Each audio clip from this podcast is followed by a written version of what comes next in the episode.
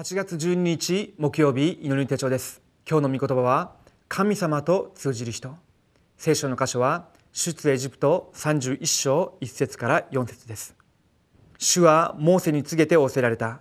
見よ私はユダ部族のフルの子であるウリの子ベサルエルを名指して召し彼に知恵と英知と知識とあらゆる仕事において神の霊を満たした。それは彼が金や銀や青銅の細工を巧みに設計し今私の現場でどういう人が必要でしょうか？特に日本の現場ではどういう人が必要でしょうか？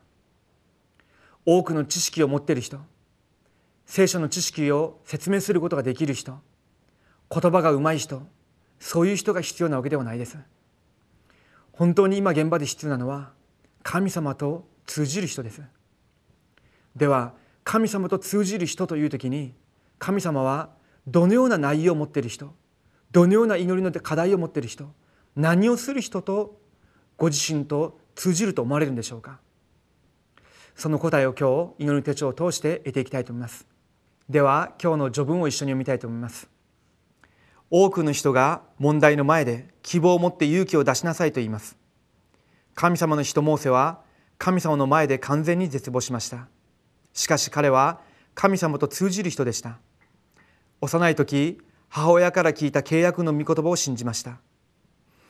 神様の子供は貧困の問題家計の問題精神問題霊的な問題など過去と未来を置いてある今日の問題の前で契約を握らなければなりません。契約の中で神様に出会わなければなりません。一つ目です。出エジプトの契約。モーセを呼ばれた神様は人間の力では解決できない問題を解決する血の捧げ物を命令されました。神様から離れたすべての人に生じた呪いと災いの問題を解決する唯一の方法がイエス・キリストです。銃の災いの最後に子羊の血を門中に塗りウイゴの命を守ることができたモーセとイスラエルの民の体験はこれからある誠の祝福と征服と安らぎの始まりでした。福音を伝えなければならない理由がここにあります。人間の根本問題の解決はただキリストイエスの中にある命。すなわち神様を回復することです。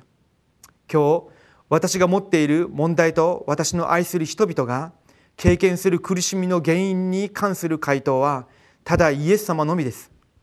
キリストの血潮の力が私と関係がありますか？キリストを述べ伝える伝道者の心が私にありますか？誰が神様と通じることができるんでしょうか？現場で本当に福音が必要だということを発見した人です。その福音を回復して伝道者としての心の中心を持っている人。その人と神様が通じるようになってます。その人がイエスの皆で祈る時に神様がその人のいる現場に答えを与えられるしその人が福音を伝え始める時に神様が天の御座を動かして御業をなされるようになります。今日私がいる現場に向けた神様の御心。私が福音を回復して伝道者として進んでいく時に神様がその現場で働かれるようになります。では2つ目です。神様の手にとらわれた人生。人間は神様に出会ってこそ誠の幸せを味わうことができます。誠の幸せを得るためには霊的な力が必要です。この事実を知っておられる神様が幕屋を中心に全てを行われ幕屋を中心に生きるように命令されました。幕屋は神様が臨在される場所であり霊的な力の供給所です。今日の本文は細かく幕屋を整えさせる御言葉です。私の信仰生活がどんなに具体的で現場中心でなければならないのかを考えてみましょう。神様は人を指名して呼ばれ精霊の満たしを与えられ知恵知識聡明必要な才能を与えられる方です。人生の主人は神様です。それならば神様の絶対的な計画を見なければなりません。カナンに行かなければならない理由を悟らなければなりません。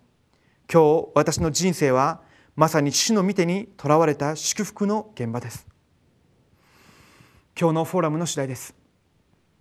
私が呼ばれた神様が私がしなければならないすべてのことを果たせる力も与えられます。証明がありますか？契約を悟って行うことができるように精霊の助けを求めてみましょう。お祈りします。父なる神様に感謝を捧げます。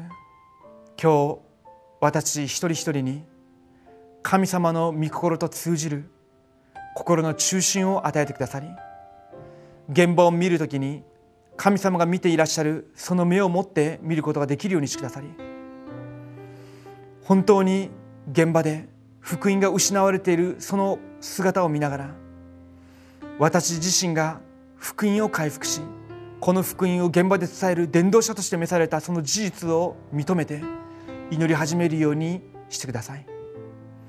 祈るこの時間に神様が現場の中で死んでいくその魂たちを私の近くにつけてくださり福音を伝えるその時間には弟子たちが起こされていく神様の宮座がなされるようにしてください。神様と通じる伝道弟子として神様の通じるレムナントとして今日現場に送ってください。生きておられるイエス・キリストの皆によってお祈りします。アーメン。